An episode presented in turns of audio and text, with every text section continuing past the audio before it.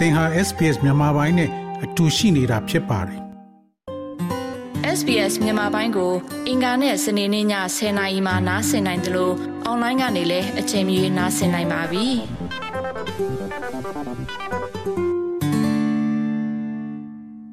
ခေတ်ဆက်ဆက်ဖိနှိပ်ခံနေရတဲ့မြန်မာနိုင်ငံကအလုပ်သမားတို့အတွက်လက်ရှိအာဏာသိမ်းကာလမှာလည်းအခွင့်အရေးချိုးဖောက်ခံရမှုတွေကပိုလာတယ်လို့တောင်ဆိုနိုင်ပါတယ်။ ဗြိတိရှအခြေဆိုင်လူခွင့်ရေးကာကွယ်စောင့်ရှောက်ရေးအဖွဲ့ကလည်း2022ခုနှစ်ကနေ2023ဖေဖော်ဝါရီလအထိ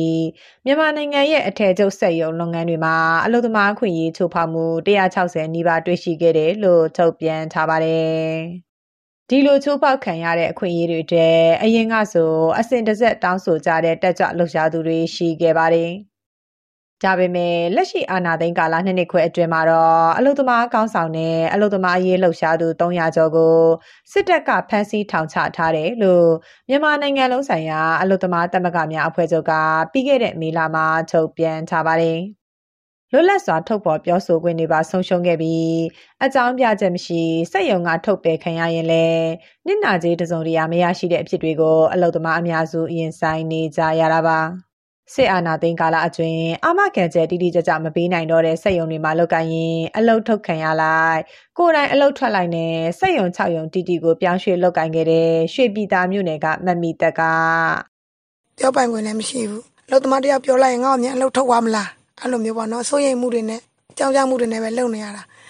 မားနေလည်းပဲ ငင်ခံရတယ်မန်နေလည်းပဲငင်ခံနေရတယ်ပြန်မပြောရတဲ့အနေအထားမျိုးတွေမှာတော့အဆင်ပြေမှုတွေများလို့ပေါ့တရုံမင်းတရုံအဲ့လိုမျိုးတရုံမှာဆက်လုပ်လို့ရှိလို့ရှိရင်အမကန်ချက်မရှိအော်ဟိုယုံမြန်ရှိမလားနောက်တရုံသွားတော့လည်းထုံနေတူပဲ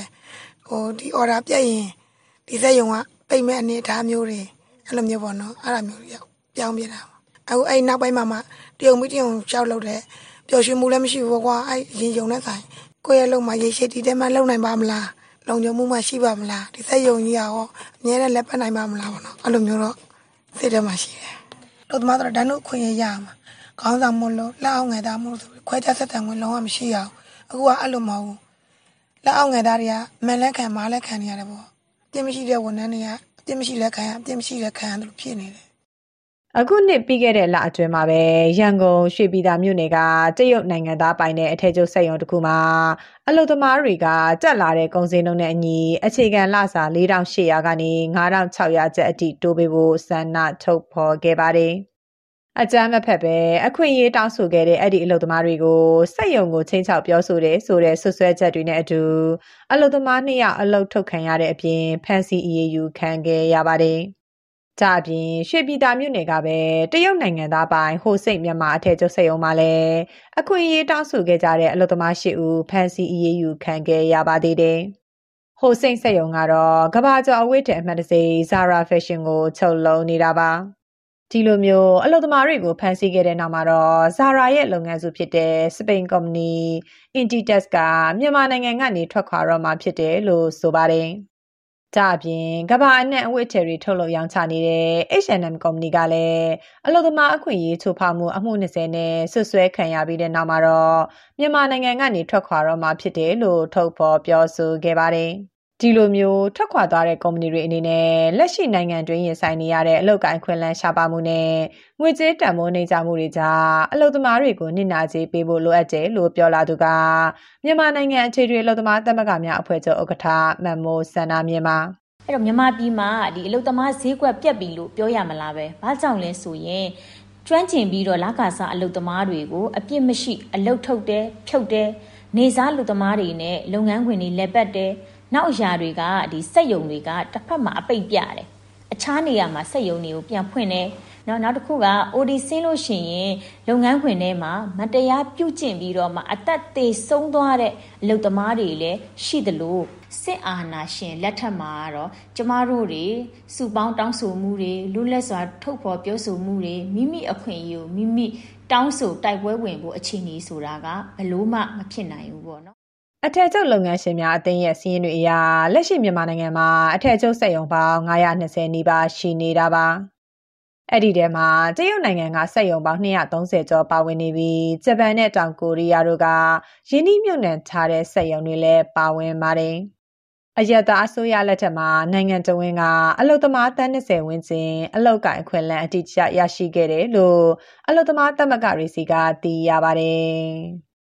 အာနာသိမ့်ပြီးနောက်မှာတော့ပြည်ရင်းပြည်ပယင်းနှိမ့်မြမှုတွေထွက်သွားလို့မြန်မာနိုင်ငံကလူဦးရေ1.6တန်းကျော်အလုလက်မဲ့ဖြစ်သွားတယ်လို့အပြည်ပြည်ဆိုင်ရာအလုသမားများအဖွဲ့ ILO ကဒီနှစ်အတွင်းမှာထုတ်ပြန်ထားပါတယ်။ပြည်တွင်းမှာအလုပ်ကိုင်ရှားပါလို့ပြည်ပနိုင်ငံတွေဖြစ်တဲ့ထိုင်းမလေးရှားစင်ကာပူနိုင်ငံတွေကိုတရားမဝင်တားရောက်လုပ်ကိုင်မှုတွေဟာလည်းအာဏာသိမ်းပြီးနောက်ပုံမများပြားခဲ့ပါတယ်။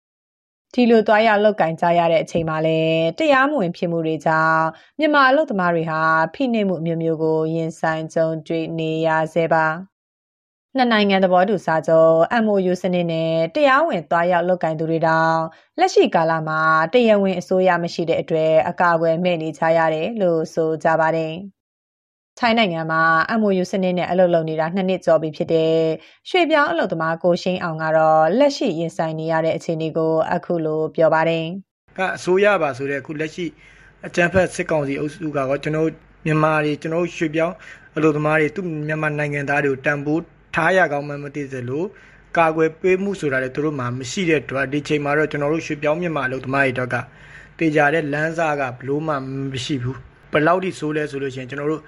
MOU နဲ့ခေါ်တင်လာတယ်တိုင်းမှာအလုပ်ရှာပေးမယ်ဆိုပြီးတော့ဒီရောက်တော့ဘာလုပ်လဲဆိုအခန်းတစ်ခန်းမှာထားထားပြီးတော့တစ်လနှစ်လလုံးဝအလုပ်မရှိဘူးအလုပ်မရှိပဲဒီတိုင်းပြစ်ထားတယ်အလုပ်ပြစ်ပြစ်ထားတော့ကျွန်တော်တို့ကဒီစာချုပ်ပါအတိုင်းတရားပြန်ဆွဲမယ်ဆိုတော့သူတို့ကစာချုပ်ပါအတိုင်းပဲသူကနစ်နာကြီးပြန်ပေးတာနစ်နာကြီးပြန်ပေးတာကမြန်မာငွေ3သိန်းကျပ်20လောက်သိန်း30လောက်ကုန်ကြခဲ့တယ်ဒါပေမဲ့လို့အဲ20 30ဆိုတာစာချုပ်ထဲမှာမပါဘူးစာချုပ်ထဲမှာပါတာဒီအစိုးရကိုတရားဝင်တွင်းတွင်းထားတဲ့ငွေ3သိန်းကျပ်ဆိုတော့ အဲ့မှာတဲ့ဟိုတရားဝင်သွားမဲ့လမ်းကြောင်းတဲ့ဟိုကကျွန်တော်တို့ရွှေပြောင်းမြန်မာတွေတို့အကာအကွယ်ဖို့မရှိတော့တာဒီချိန်မှာတော့ဒီလိုပဲဖြတ်တန်းလို့ရအောင်ပါပဲဘာလို့ကျွန်တော်တို့မြန်မာနိုင်ငံမှာပြည်သူ့ကိုတန်ဖိုးထားတဲ့အစိုးရမတက်လာသေးသေးကတော့ကျွန်တော်တို့ဒီပုံစံနဲ့ပဲဖြည့်ရှင်းနေရအောင်ပါပဲခင်ဗျအလုသမားတွေအတွက်ပြည်တွင်းရောပြည်ပမှာပါဒီလိုအခွင့်အရေးတွေဆုံးရှုံးနေချိန်မှာပဲကျိုင်းပြည်အာဏာကိုတင်ယူထားတဲ့ဗိုလ်ချုပ်မူကြီးမင်းအောင်လှိုင်ကတော့အလုသမားအခွင့်အရေးအလုရှင်အလုသမားဆက်ဆံရေးလုပ်ငန်းခွင်ပေးအပ်နေတဲ့ကင်းရှင်ရေးနဲ့ ကျန်းမာရေးလူမှုဖူလုံရေးအခွင့်အရေးတွေကိုအပြည့်အဝပေးထားတယ်လို့2023ခုနှစ်မှာကြာရောက်ခဲ့တဲ့အလုသမားနေ့မှာပြောဆိုထားပါတယ်။ဒါပေမဲ့တစ်ဖက်မှာတော့အလုံသမားတွေရဲ့အခွင့်အရေးတွေဟာဆုံးရှုံးနေရတဲ့အပြင်မြမစီးပွားရေးဖွံ့ဖြိုးတိုးတက်မှုနှုန်းဟာလည်း300ခိုင်နှုန်းပဲရှိတယ်လို့ကမ္ဘာ့ဘဏ်ကခံမှန်းပြောဆိုထားပါတယ်။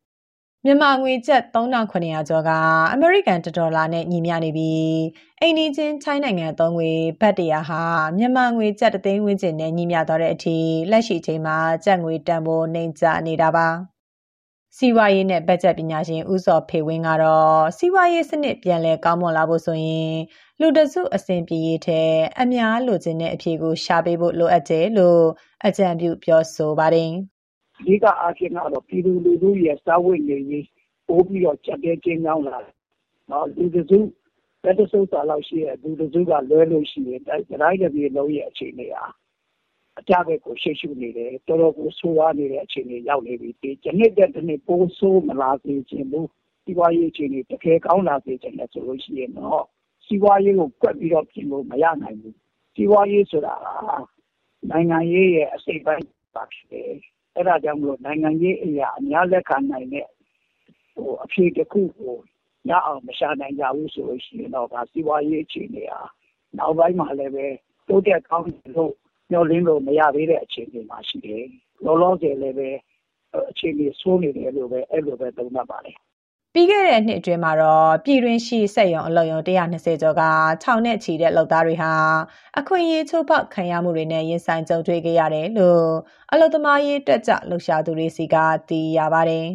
။စစ်အာဏာရှင်လက်အောက်မှာအလုသမားအခွင့်အရေးဆိုတာတွေကဆုံးဆုံးမြုပ်ခဲ့ရပြီးအလုသမားတွေဟာလည်းဘဝရည်တည်နေထိုင်စားတောက်ရေးအတွက်ရေကြီးရာမျက်နှာရာရွှေ့ပြောင်းရင်းလက်ရှိအခြေအနေကိုသိခံနေကြရတယ်လို့ဆိုကြပါတယ်။ တင်တင်တဲ့လောက်ခလာစားနဲ့ကောင်းမွန်တဲ့လုပ်ငန်းခွင်မှာအလုပ်လုပ်ကိုင်နိုင်ဖို့မိသားစုနဲ့အတူဥမကွဲတိုက်မပြတ်နေနိုင်ဖို့ကအလုသမားတိုင်းရဲ့မျှော်လင့်ချက်လို့ဆိုနိုင်ပါတယ်။အထည်ချုပ်လုပ်ငန်းခွင်မှာလှုပ်သက်15နှစ်ကျော်ပြီဖြစ်တဲ့မတ်တနာဝင်းရဲ့မျှော်လင့်ချက်ကတော့အစင်တွေကလည်းနောက်မှမပြေဘူးလာကုန်ရင်လည်းအစင်မပြေမှန်းလည်းသိနေပြီနောက်ပြီးတော့လှုပ်ရတာလည်းအရင်ကနှစ်ဆလှုပ်ရပြီလှုပ်အားကလည်းဒီလိုပုံစံမျိုးပဲဆိုတော့ ဟိုအထက်မချုံနိုင်ဘူးလားဆိုတော့ချုံနိုင်ပါတယ်သူကဒီနေ့ဒီလောက်ဆိုဒီနေ့ဒီလောက်မဟုတ်ဘူးစိတ်တွေညစ်လို့မိုးလင်းတာနဲ့အာကုဆိုတက်တဲ့ပုံစံမျိုးလည်းဖြစ်လို့ဘိုးနှကိုတော့ကကာလာတွေကတော့အဲ့လိုအလုသမားလည်းအလုသမားရဲ့ဥပဒေနဲ့ပေါ့အဲအဲ့လိုမျိုးညီညီမြမြလောက်ကြကင်ကြတာအခုကအဲ့လားတွေလည်းမရှိတော့မလုံနိုင်မလာနဲ့အရင်စလာတော့လေကျွန်မကတော့ဒီအခုကလည်းဟိုအလုသမားအလုကလည်းကျွန်မဒီအထည်ချုပ်လောက်လာတာလဲဆက်လင်းကရှင်လောက်လာတာဆိုတော့အလုသမားတယောက်အနေနဲ့တောင်းဆိုချင်တာကတော့ဟိုဟာဒီကုံစင်းနှုံးနဲ့ညီများတဲ့လာစာလေးကိုပေါ့နော်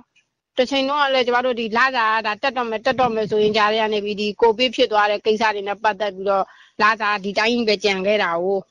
အကျန်တာတွေဒါအကုန်တက်သွားပြီကျမတို့လာစာတွေပဲကြံခဲ့တာဆိုတော့ကျမတို့ဒီကုန်စိမ်းလုံးနဲ့ညီများတဲ့လုံအားကလေးပေါ့နော်တက်ပြီးတော့တိုးပေးလာမယ်ဆိုလို့ရှိရင်တော့အလုံသမားတွေအဖို့အဆင်ပြေသွားမယ်လို့တော့ကျမကတော့အထင်တယ်ကျမလည်းအဲ့လိုလည်းဖြစ်စေခြင်းတယ်ပေါ့ဟိုပျော်ရွှင်မှုကလည်းမရှိတော့ဘူး အာနာသိမ့်မှုကိုလက်မခံကြောင်းလူမှုတပိတ်အောင်ကြွမှုနဲ့အတူအစောဆုံးရှေ့ထွက်ဆန့်ကျင်ခဲ့ကြတဲ့အလုသမားတို့ရဲ့အရေးဟာလက်ရှိအချိန်ထိမှင်မိန်လို့နေပါတယ်။ကျိုင်းပြည်ရဲ့ယိုယွင်းလာတဲ့ခန္ဓာတွေကြားမှာတောင်းဆိုမှုတွေနဲ့အတူတောင့်ခံရင်းနဲ့ပဲအလုသမားတွေအတွက်တော့ဒီမိုကရေစီအလင်းရောင်ကိုသာဝဒဝါမျှော်မှန်းနေကြရစေပါ။ဒီသတင်းဆောင်မကိုတန်လွင်ခက်ကပေးပို့ထားတာဖြစ်ပါတယ်။ SBS မြန်မာပိုင်းကိုနားဆင်ရတာနှစ်သက်ပါတလား Facebook မှာဆွေးနွေးမှုတွေကိုဆက်ကြရအောင်ပါ SBS မြန်မာပိုင်း Facebook ကို like လုပ်ပြီးတော့သင်ချင်တဲ့ချက်ကိုမျှဝေနိုင်ပါတယ် SBS Bemis ကို Facebook မှာ share ကြည့်နိုင်ပါတယ်ရှင်